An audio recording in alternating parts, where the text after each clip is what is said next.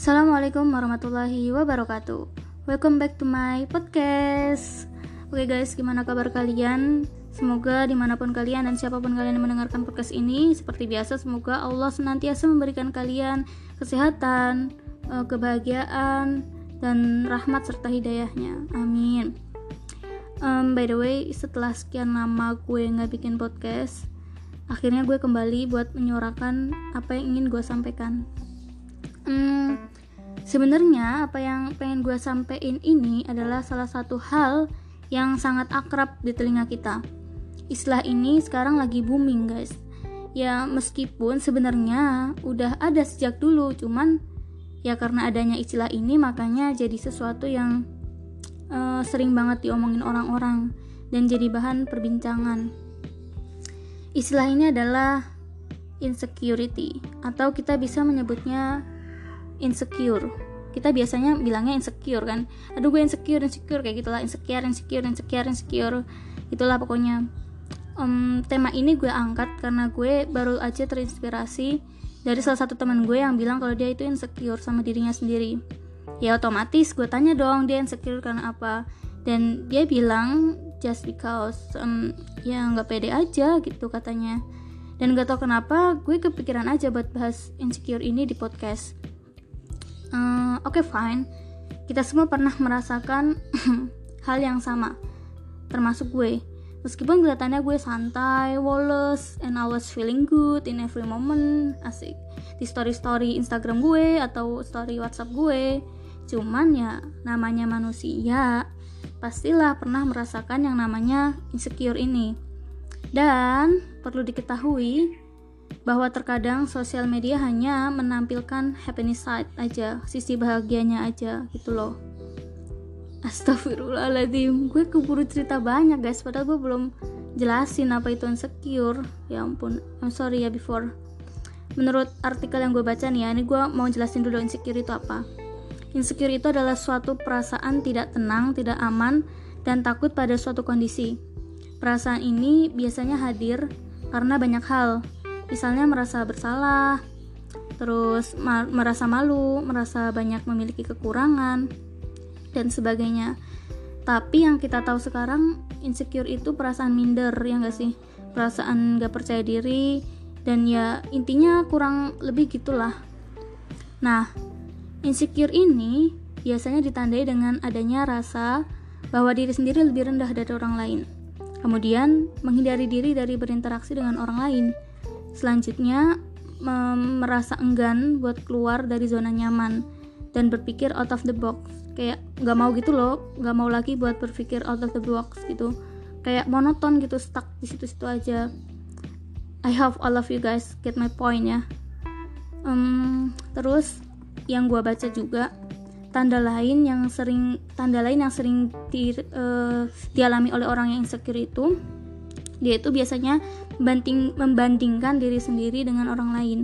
Lalu mm, mereka memiliki ketakutan dan kekhawatiran yang berlebihan terhadap sesuatu hal. Kemudian biasanya juga haus akan pengakuan dan pujian dari orang lain, serta sulitnya mengapresiasi kinerja orang lain. Uh, ya gitulah intinya gitu. Dan sekali lagi gue sampaikan bahwa Gue bicara soal insecure bukan berarti gue sama sekali nggak pernah merasakan si insecure ini guys. It's impossible. Justru karena gue pernah merasakan insecure, gue pengen sharing sama kalian semua. Gue pengen diskusi, gue pengen belajar bareng. Ya intinya kita di sini sama-sama mencari um, apa ya namanya solusi lah, solusi dari si insecure ini. Oke, okay Biasanya uh, si insecure ini hadir dari kegiatan membanding-bandingkan orang lain. Nah, saat kita membandingkan diri sendiri dengan orang lain inilah di saat itu pula ketika kita melihat orang lain eh gimana sih? Pokoknya di saat kita membandingkan diri sendiri terhadap orang lain, di saat itu pula kita merasa bahwa ada kelebihan yang orang lain punya dan kita tuh nggak punya tuh kayak eh kok dia bisa ya gua nggak kok dia kece gua enggak. Kok dia kok dia kok dia kok dia kok dia terus. For example um, misalnya ketika gue ngeliat teman SD gue dulu kita sekelas eh beda kelas deng. Yang sekarang udah jadi selebgram punya followers banyak. Like dan komennya pun juga banyak. Dan otomatis she is more famous than me Terus contoh lain ketika gue tahu ada orang yang umurnya nggak beda jauh dari gue, kita beda beberapa bulan aja, tapi dia udah hafal Quran, bolak-balik luar negeri, jadi pembicara sana sini, udah jadi miliarder, belum lagi juga youtuber sekaligus influencer. But please stop to do it. Stop to do it guys. Once more stop to do it. Allah menciptakan hambanya itu beda-beda. Setiap orang punya takarannya masing-masing, guys, dan Allah lebih tahu mana yang terbaik buat hambanya. Ya kita nggak bisa maksa sih, karena kita ya emang nggak punya hak, nggak punya apa ya, nggak punya kehebatan atas itu, karena itu kuasa Allah. Tapi kalau memaksimalkan usaha, memaksimalkan ikhtiar, itu baru wajib. Nih misalnya nih ya, gue di usia gue yang sekarang ini belum banyak hafal hadis. Tapi di luar sana banyak orang yang usianya sama atau bahkan usianya jauh lebih muda dari gue udah hafal hadis plus sanat-sanatnya sekaligus. Wede, mantep kan? Terus gue ngerasa kalau Allah nggak adil gue insecure gue ngerasa rendah diri gue ngedown. Nah itu yang perlu dihindari guys.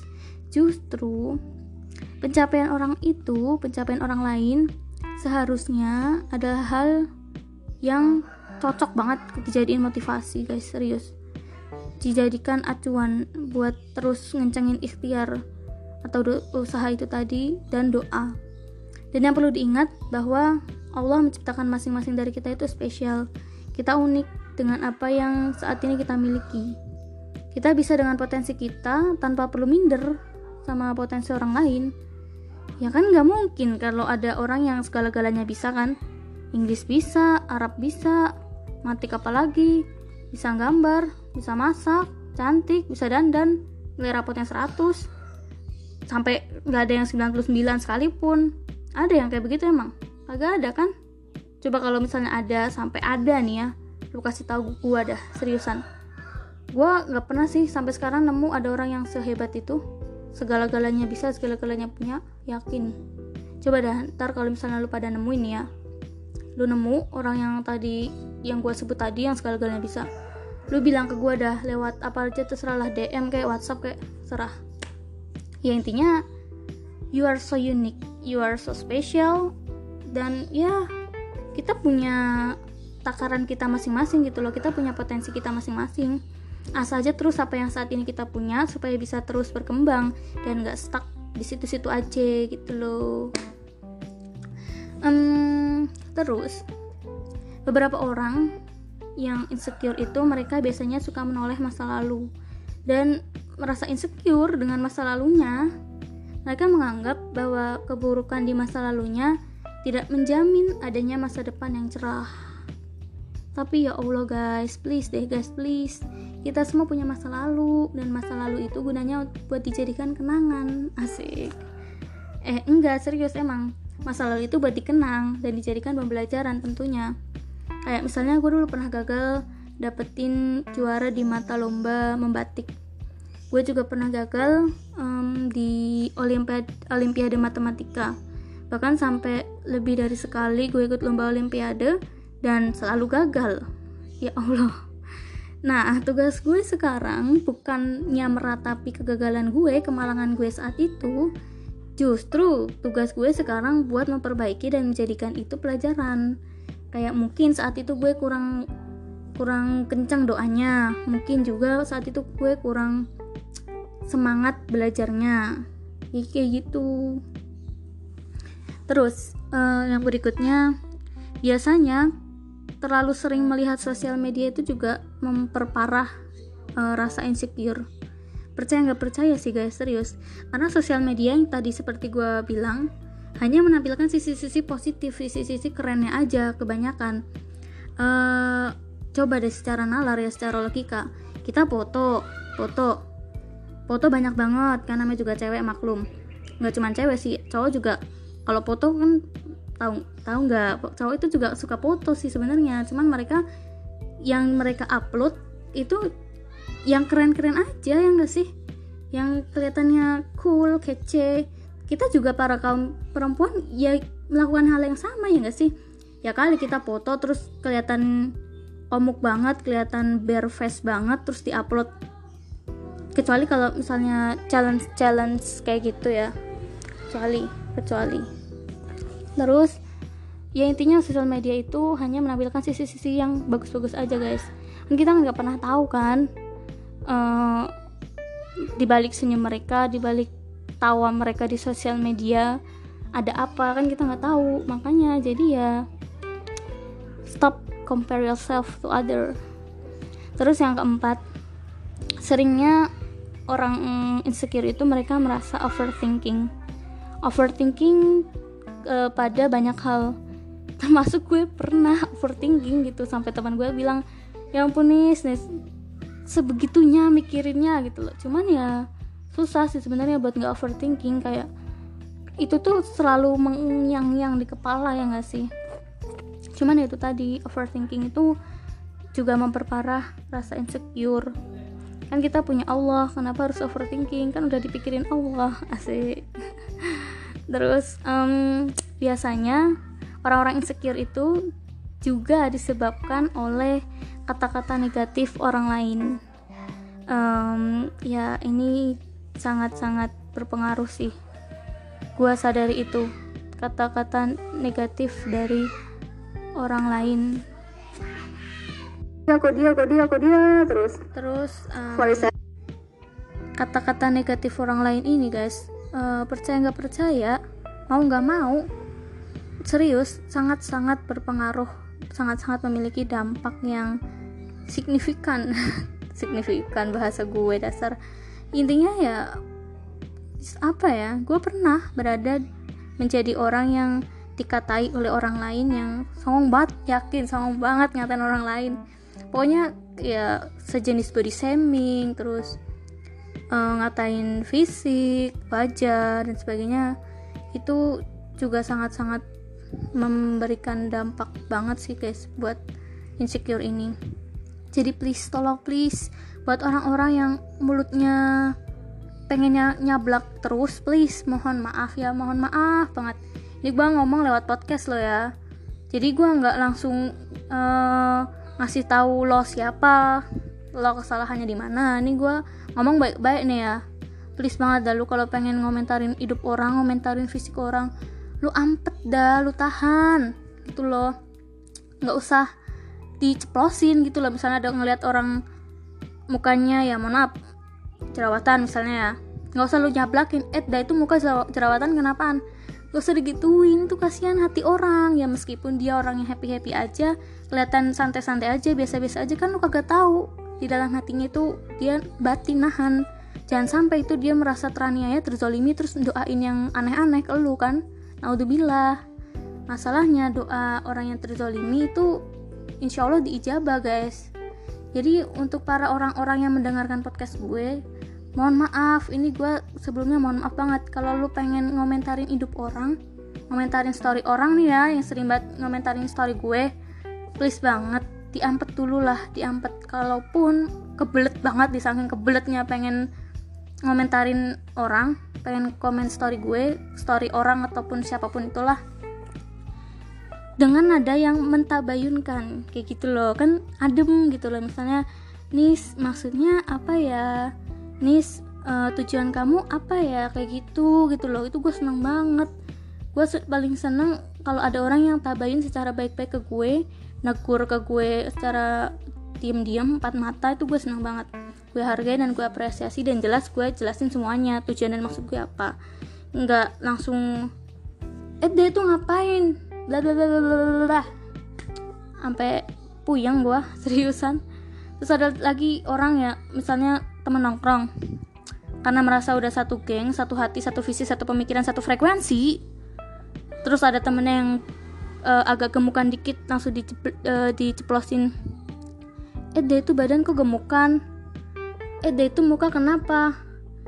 Eh dah lu kok nggak pinter amat sih? Ya Allah tega banget lu ya Allah. Ngomong kayak gitu lu nyampe hati ya. Ya meskipun bercanda guys. Bercanda jangan sampai nyakitin orang lain. Rasulullah nggak suka. Asik. Ya intinya kita selama tahu batasan-batasannya aja lah bercanda boleh boleh kok. Rasulullah juga dulu bercanda. Cuman ya kalau sampai nyakiti hati orang lain ya astagfirullah. Muslim yang baik adalah muslim yang ketika mulut dan tangannya itu terjaga dari muslim lainnya. Pokoknya intinya ketika muslim yang lainnya terjaga dari lisan dan tangannya. Intinya kayak gitulah. Yang gak juga berlaku gak cuma berlaku buat muslim. Yang non muslim pun juga harus dijaga mulutnya. Karena setiap agama itu kan mengajarkan yang baik-baik ya kan um, terus guys ya Allah ini serius kalau misalnya ngomongin soal kata-kata negatif orang lain gak ada habisnya. Gue pengen emosi nih gue serius astagfirullahaladzim. Lagi bulan puasa nih nggak boleh emosi. Eh nggak boleh emosi nggak cuma di bulan puasa sih sebenarnya. La takdaf walakul jannah asik. Intinya kalau mau mengomentari hidup orang lain lebih baik dalam uh, koridor tabayun. Jangan nyinyir ya jangan nyinyir. Ya mohon maaf. Nyinyir itu dosa sih sebenarnya guys. Emang dosa. Bukan sebenarnya tapi emang so, emang dosa. Terus uh, cara mengatasi si insecure ini gimana?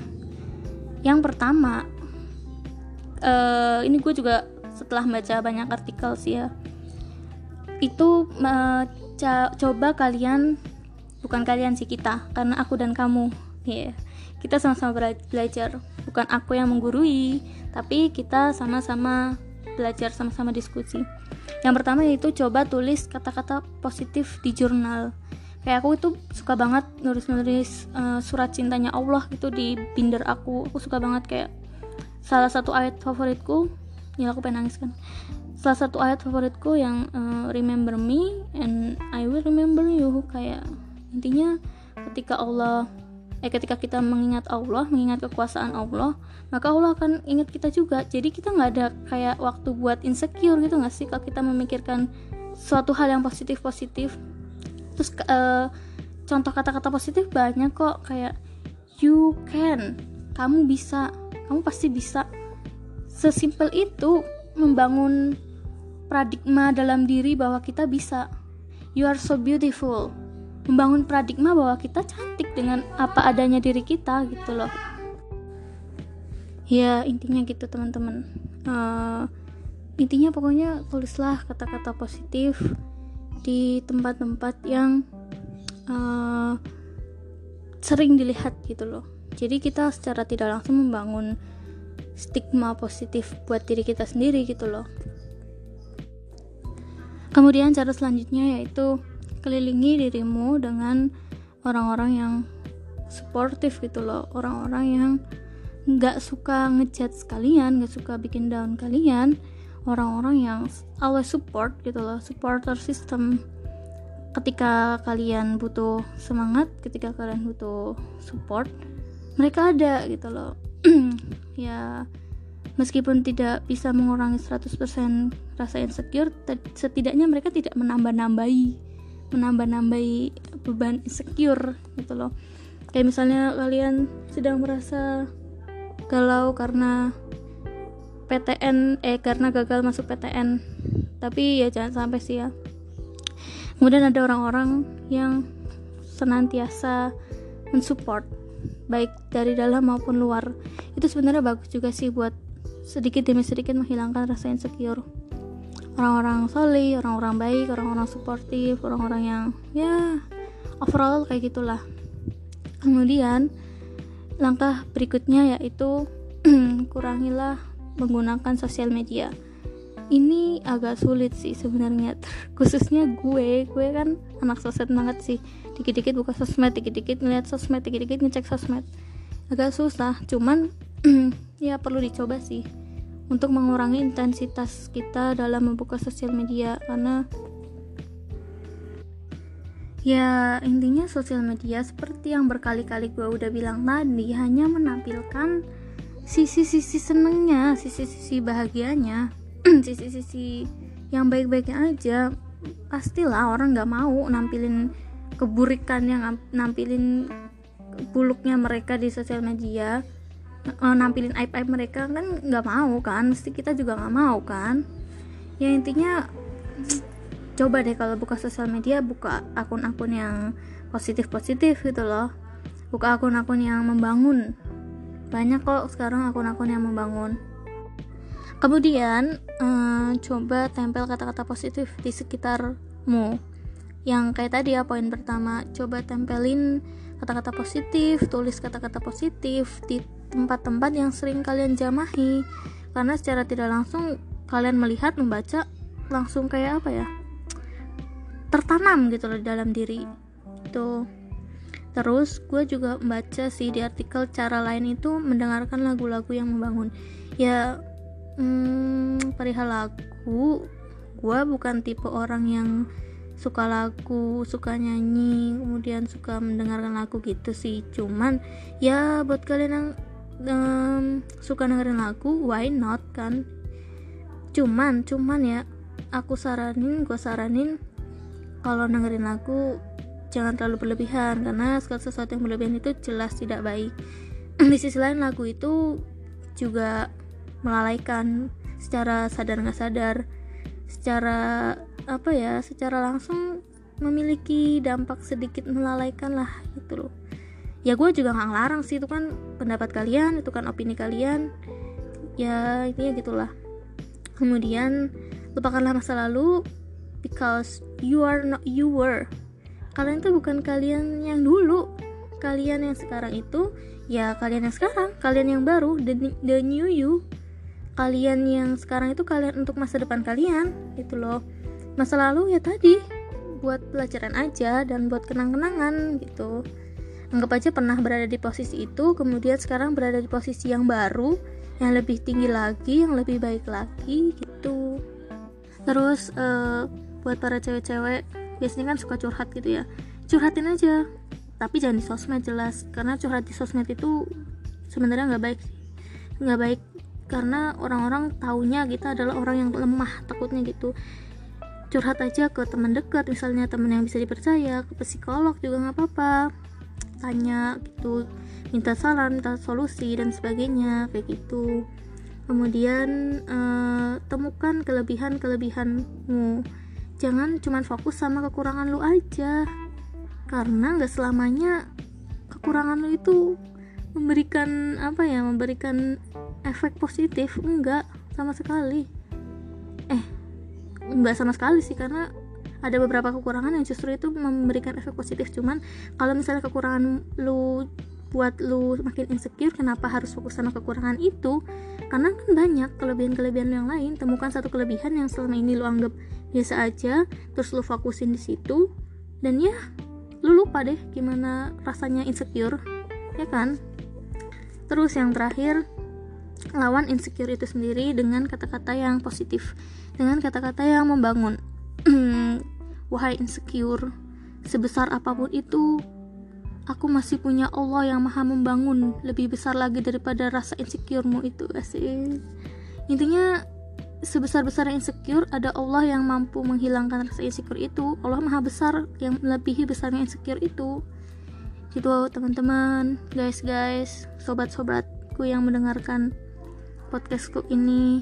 Uh, maaf jika ada beberapa noisy karena ya gue cuman langsung rekam suara gue di HP tanpa ada alat pendukung lainnya because ya jika bisa kenapa harus cari-cari yang lain yang lebih mahal gitu loh oke okay, oke okay. mungkin cukup itu yang bisa gue sampaikan semoga bermanfaat Mohon maaf jika terlalu lama. Sekian dari gue. Wassalamualaikum warahmatullahi wabarakatuh.